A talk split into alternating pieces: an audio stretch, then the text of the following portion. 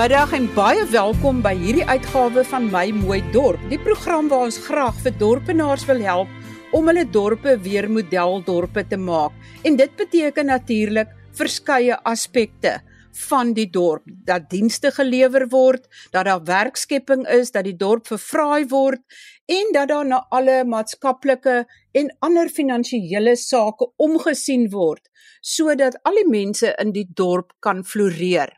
Nou een van die belangrikste aspekte van die bestuur van 'n dorp deur 'n munisipaliteit of 'n stadsraad is natuurlik eiendomsbelasting. En daar is heelwat nuwe verwikkelings waarvan mens beslis moet kennis neem. En soos ek verlede week gesê het, veral mense op wildsplase, ouete huise en ook woonstelbewoners. En hoewel dit nou net in sekere provinsies is wat daar aanbevelings gemaak word dat sekere veranderings aangerig word, hou dit tog implikasies in vir die res van die land. My gas vandag is Ben Espag. Hy's een van die direkteure van Rights Watch. Hy het enkele waarskuwings oor voorgestelde veranderings aan munisipale regulasies om eiendomsbelasting te verander. Ben vertel vir ons net eerstens iets oor Rights Watch. Goeiemiddag Marie en middag luisteraars. Uh, baie dankie vir die geleentheid. Nou Rights Watch het in 2009 ontstaan en ons uitsluitlike doel is om belastingbetalers by te staan met eiendomsbelasting aangeleenthede. So tipies is dan wanneer die eiendoms geherwaardeer word en die waarde is verkeerd dan doen ons 'n beswaar Ons kan ook die eienaar help om 'n appel aan te teken as as die beswaar nie suksesvol was nie. En dan gee ons ook advies oor alle aangeleenthede rondom eiendomsbelasting. Behelp ontwikkelaars beplan aan belasting wanneer hulle 'n nuwe ontwikkeling beplan want dit is belangrik om te weet wat die belasting gaan wees wanneer hulle huurders nader vir kontrakte. Nou ek is 'n professionele waardeerder my betrokkeheid by die eiendomsbelasting strek sedert 1997 toe hierdie wet Municipal Property Rights Act geskryf is en ek het toe kommentaar gelewer en so betrokke geraak. Ben omdat jy hmm. alles met 'n valkoog dophou, het jy agtergekom dat daar in veral Mangahoen sekere aanbevelings gemaak word om van hierdie eiendomsbelasting te verander. Miskien net die agtergrond. Ons is die afgelope klompe jare het SAPOA of FESA die Afrikaanse afkorting vir die eiendomseienaars in Suid-Afrika het ons aangestel om vir al die metros, daar's 8 metros en 3 groter munisipaliteite elke jaar wanneer die belastingbeleide of rights policy soos dit algemeen bekend staan hersien word. Want dit is deel van die begrotingsproses word hierdie belastingbeleide of rights policies elke jaar hersien toe ek nou maar gehoonsin kyk, toe sien ek die voorstel is om die definisie van business and commercial properties te wysig deur die byvoeging van en en ek lees van die konsep beleid af wat dan ingesluit word by business and commercial properties is properties used for the purpose of trading and hunting of game. Daar word dit nou in die definisie geskryf dat hierdie eiendomme as besigheidseiendomme gekategoriseer gaan word. En dit beteken doeteenvoudig dat dieselfde tarief wat vir die winkelsentrum of die blok kantore in Mangaung geld, dieselfde besigheidstarief gaan dan ook gehef word wanneer jy 'n eiendom waar daar hunting of trading of game, met ander woorde wildsplaas. Ek dink dit is die tipiese toepassing gaan dan wees op 'n wildsplaas. Miskien net 'n woord die eiendomsbelastingwet of die Municipal Property Rights Act in die afkorting is MPRA definieer agricultural properties as volg. En ek dink dis waar hierdie hele saak sy oorsprong het. Hy sê agricultural properties means a property that is used primarily for agricultural purposes en dan laat ek so 'n deeltjie uit but excludes any portion thereof that is used commercially for the hospitality of guests. En dis nou tipies waar jy die wildkamp het waar die jagters bly. En dit maak sin want daai deel is maar amper soos 'n gastehuis of 'n lodge.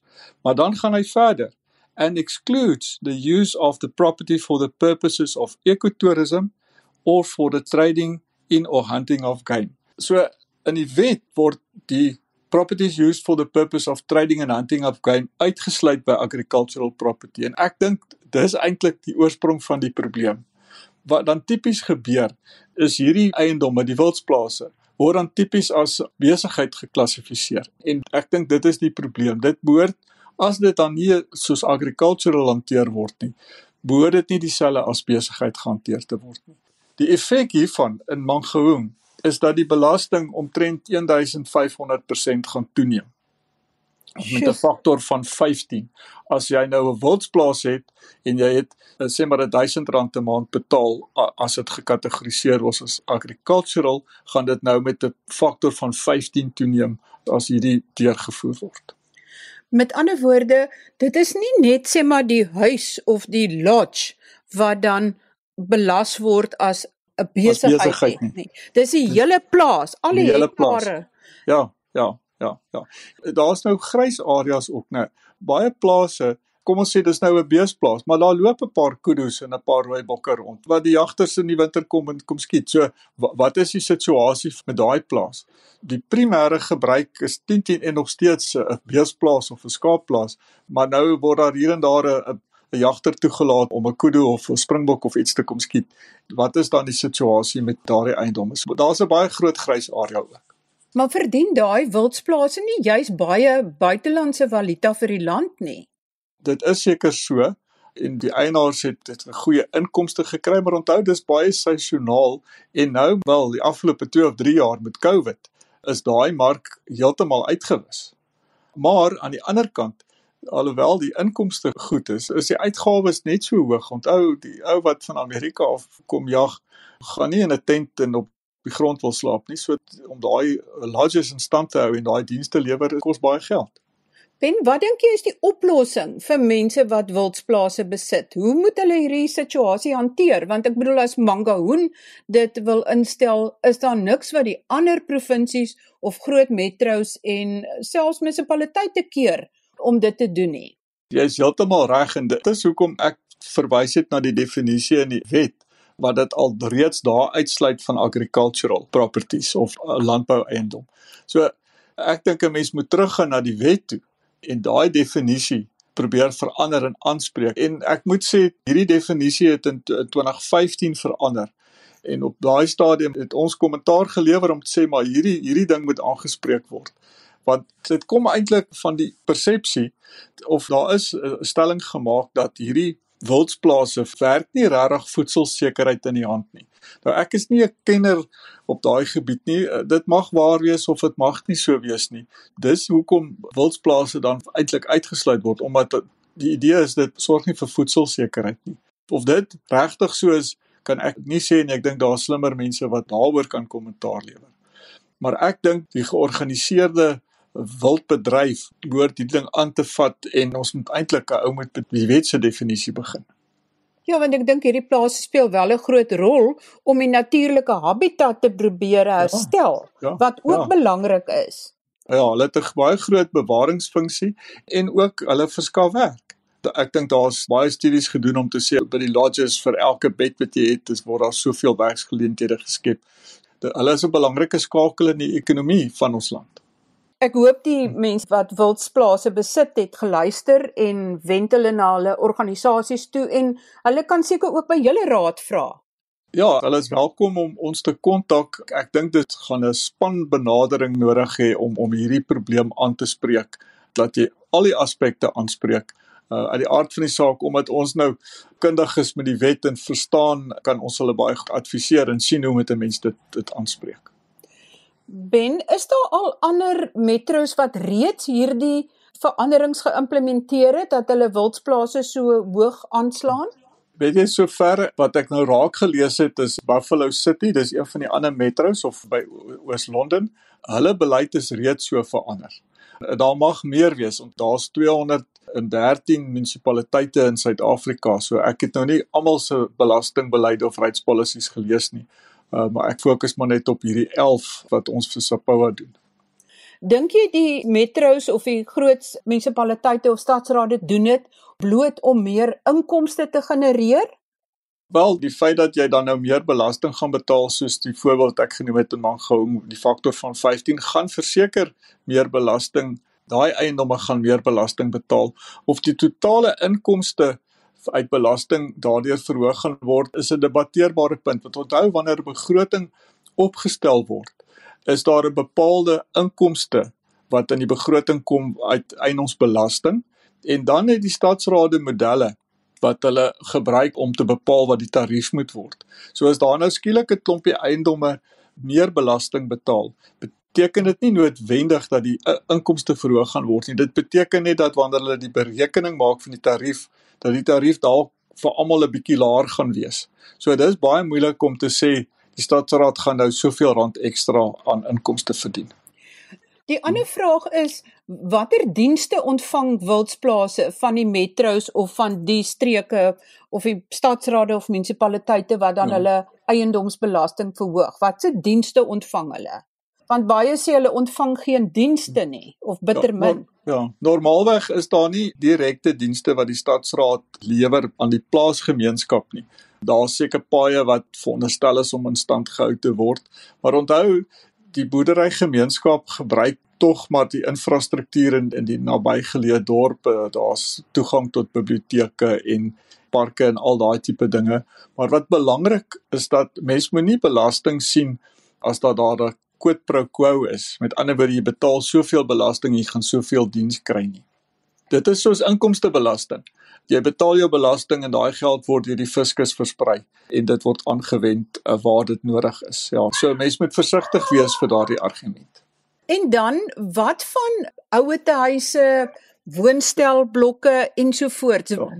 Vertel vir ons meer van hierdie ja. aspek. Ja. Weet jy in Johannesburg in daai aspek het ek nou raak gelees in in Johannesburg se voorgestelde wysigings en miskien kan ek net gou kyk daar's 'n nuwe definisie vir dwelling. En ek lees nou uit die konsep beleid uit. The dwelling means a house designed to accommodate an individual occupier or a single core family, including the normal buildings associated therefore. Wat my bekommerd maak is dat 'n dwelling as 'n house net as 'n house beskryf word. In my kommentaar het ek gesê, maar joh, dis baie beperk en ek dink 'n mens moet dit uitbrei dat dit eerder ook 'n apartment of 'n woonstel of 'n ander plek van residence insluit. Want onthou, as ek daai definisie van means a house dink 'n bietjie 'n ou persoon wat in 'n deeltitel woonstel bly, is dit nou 'n house? Ek is bekommerd dat daai definisie baie eng is en daarom behoort dit uitgebrei te word. En saam met dit, die groot bekommernis en dis waarna waarna jy verwys het, is by die definisie van residential property 'n residential property. It's a dwelling. Onthou 'n dwelling word nou net as 'n house gedefinieer. So hy sê it's a dwelling that is used exclusively for human habitation for residential purposes en dan die moeilikheid but excludes hostels, flats, communes, old age homes and self-catering holiday flats, guest houses and bed and breakfast establishments ek is nie bekommerd oor die self-catering holiday flats en guest houses en bed and breakfast nie, maar die bekommernis is dis dwelling wat 'n house as 'n house gedefinieer word en dan sluit dit spesifiek hostels, flats, communes en old age homes uit. Wat is die bedoeling? Die blokwoonstelle gaan dit nou nie meer as 'n as 'n residential property gesien word nie. En as dit so deurgevoer in Johannesburg gaan daai belasting met omtrent 'n faktor van 2.5 jy gaan 2 en 'n half keer meer belasting betaal. Uh, altyd homes, ouete huis. Dis mos waar die ou mense bly. Hoe kan dit nou nie meer 'n residential property wees nie? So ek het regtig 'n groot probleem met hierdie voorgestelde wysiging in Johannesburg. Ek is nie bewus van ander ouens wat wat hierdie selfe wysigings doen nie, maar die mense met maar na hulle eie stadsrade se belastingbeleide kyk om te sien wat staan daar geskryf. Die punt is ouete huise trek al klaar bitter swaar. So hoe gaan hulle nog 'n hoër eiendomsbelasting kan bekostig? Ek verstaan dit nie. Miskien is dit ook weer eens 'n persepsie en daar is pragtige ouete huise waar mense regtig in leksheid bly. Nou weet ek nie of die wetgewer of die stadsraad hulle nou raak sien en dink nee maar ons moet daai ouens hoër belas nie, maar hy vergeet van ouete huise wat byvoorbeeld deur die vroue federasie bedryf word ek dink daar's ander soortgelyke organisasies in die land wat regtig vir die mense wat finansiëel sukkel 'n ou dag huis bied. Hulle kan glad nie daai hoër belasting bekostig nie. Nou, hoe moet mense nou maak? Soos ons voorheen gesê het, as een metro dit doen, sien ander metros die gaping om dit ook te doen hmm, en ja. munisipaliteite gaan dan ook dit probeer doen enige iets vir 'n hoër inkomste. Maar wat kan ouete huise, mense wat in woonstelle bly of woonstel eienaars, hoe kan hulle hierdie kwessie aanpak? Kyk op hierdie stadium is is die konsepbeleid vir Johannesburg nou nog oop vir kommentaar en daai kommentaar dink ek sluit hier by die einde van die maand. So ek sou die groepe mense of individue selfs aanraai dan om kommentaar te lewer. Meer kommentaar daar gaan inkom, hoe beter. Ek het reeds hierdie kommentaar uh, namens Sapoa is reeds ingedien by Johannesburg. Ja, maar dis nou een stem in die bos, maar ons het meer stemme nodig en die mense behoort regtig 'n punt daarvan te maak om kommentaar te lewer veral in Johannesburg. En dan moet hulle ook by hulle eie munisipaliteite kyk wat is daar aan die gang en en dan kommentaar lewer indien nodig selfs as woonstel eienaars as woonstelblokke se eiendomsbelasting nou verhoog outomaties die ander individuele eienaars sal ook meer moet betaal die huurder sal meer moet betaal. Ek bedoel dit het 'n geweldige ripple effek ja dit is reg jy weet en tipies die verskil tussen residensiële tarief en die besigheidstarief wissel nou oor die land maar dit is byvoorbeeld vir Kaapstad is dit dubbel In Johannesburg is dit omtrent 2.5 keer. In Tshwane is dit ook omtrent 2.5 keer. Party is 3 keer meer. Dit is so tussen 'n minimum van 2 keer meer uh, of dubbel die belasting en dit kan opgaan 3-4 keer meer belasting. Wat regtig nie 'n goeie slegte invloed op hierdie ouens se begrotings gaan nie. Dan 'n laaste vraag Ben voordat ons afsluit. Dink jy mense in Suid-Afrika, mense wat in eiendomme bly of eiendomsbelasting moet betaal. Dink jy ons is ek wil amper sê wakker genoeg om eintlik aandag te gee aan die goed. Dinge wat ons baie groot kan impakteer, laat ons nie dit te dikwels net God se water oor God se akker loop of maar net aanvaar dat dit gebeur nie. Is ons paraat genoeg om die goed op te tel en aksie te neem teen dit? Weet jy Marie, ons is nou al 10 jaar met die besigheid aan die gang en ek slaan elke dag my hande saam oor die gebrek aan kennis en dan praat ek nie van die gewone huiseienaar nie, maar van ouens wat ontwikkelaars is, waar hulle gebrek aan kennis oor die wet en die prosesse. Ons het daai dag met 'n ontwikkelaar gepraat en hulle het oordrag geneem op sekere van hulle eiendomme en hulle het nie besef dat hulle rekening moet kry vir daai eiendom nie. So toe ons nou gaan navraag doen, toe kry ons hierdie rekeninge en toe hulle uh, party hier by die amper 60000 rand agterstallig. Dis basiese goed wat die ontwikkelaars nie bestuur en en hanteer nie. Dit aan die een kant, so daar is 'n gebrek aan kennis. En 'n mens kan twee goed doen om te sorg dat jou belasting reg is. Jy moet eerstens sorg dat die waarde van jou eiendom nie te hoog is nie en ook die kategorie reg is. Dit is iets waaroor jy in 'n mate beheer het. Mense is nie altyd bewus van hulle regte rondom dit nie. En dan die tweede een, maar dis waar die groot uitdaging is, is om in ons lewer ook daai aspek kommentaar namens Sapoua is oor die tariewe Onthou die waardasie en die kategorie is een ding, maar dan word die tarief toegepas op die waarde en dit bepaal hoeveel belasting jy betaal. So daai konsep tariewe is nou ook in die openbare domein vir kommentaar. Maar ons ondervinding is is dat as die stadsraad besluit het man ons gaan die tarief met 5% verhoog, kan jy maar kommentaar lewer tot dit blou word hulle wysig nie sommer aan daai syfers nie want hulle het hulle berekeninge gemaak en gesê ons het soveel inkomste nodig uit eiendomsbelasting so ons moet hierdie tariewe kry. En dis ons groot uitdaging om daar 'n verskil te maak. En dis maklik om elke jaar maar net die tarief op te skuif maar intussen aan die ander kant word daar nie genoeg aandag gegee aan die uitgawes nie. En hulle moet seker maak hulle vorder alles in wat gehef word en spreek die ouens aan wat nie betaal nie. Daai aspek behoort baie meer aandag te kry eiendomsbelasting weet hulle stuur vir jou rekening en jy moet dit betaal. Maar wat van al die onwettige elektrisiteitsverbindings die water wat nie betaal word nie elektrisiteit wat nie betaal word nie? Ek bedoel hoeveel woongebiede en munisipaliteite is agterstallig met die insamel van daardie geld vir dienste wat reeds gelewer is wat hulle eintlik dan verlam Ek het nou nie eerste rang se kennis of inligting rondom dit nie, maar ek dink ons is almal bewus van die algemene tendens dat die insameling van dit wat gehef word is nie effektief nie. Die stadsrade moet baie meer ek moet eintlik sê aggressief optree om te sê as jy as jy nie betaal hierdie maand nie, volgende maand moet jy aangespreek word dat jy dit betaal. Ek het al hoeveel keer wat ons gekyk na 'n rekening wat paar miljoen rand uitstaande is. En dis net doeteenvoudig omdat die stadsraad nie binne 30 dae begin optree het nie. Daai insameling kant is krities belangrik sodat dit effektief is en dan kan die koerse dalk laer gedruk word as hulle alles insamel wat hulle het. Is daar nog iets wat jy dink is belangrik? Ek dink dit is net belangrik dat belastingbetalers, grondeienaars, die luisteraars bewus is van hulle regte en dat hulle moet seker maak dat hulle nie te veel belasting betaal nie. Kyk of jy wat daar is reg is. En ek het nie 'n antwoord om die stadsrade te begin kniehalter in die sin dat hulle hulle tariewe nie net elke jaar sommer opsit. En dis baie keer meer as die inflasiekoers. So hulle voer die inflasiekoers. Luisteraars is welkom om om Rightswatch te kontak. Hulle kan ons Google so ons kontak besonderhede kry as hulle belastingadvies nodig het. Baie baie dankie Ben. Ek sal ook die webwerf adres van Rightswatch op RSG se webwerf sit binne in die artikel oor hierdie eiendomsbelastingveranderings waarop mense beslis ag moet slaan.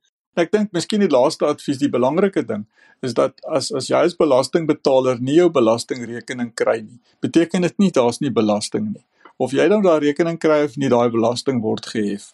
Uh, so jy behoort navraag te doen of maak 'n betaling. Ek weet die meeste van ons betaal dit elektronies. Maak 'n betaling op dieselfde basis vorige maand, maar of sit daai geld weg.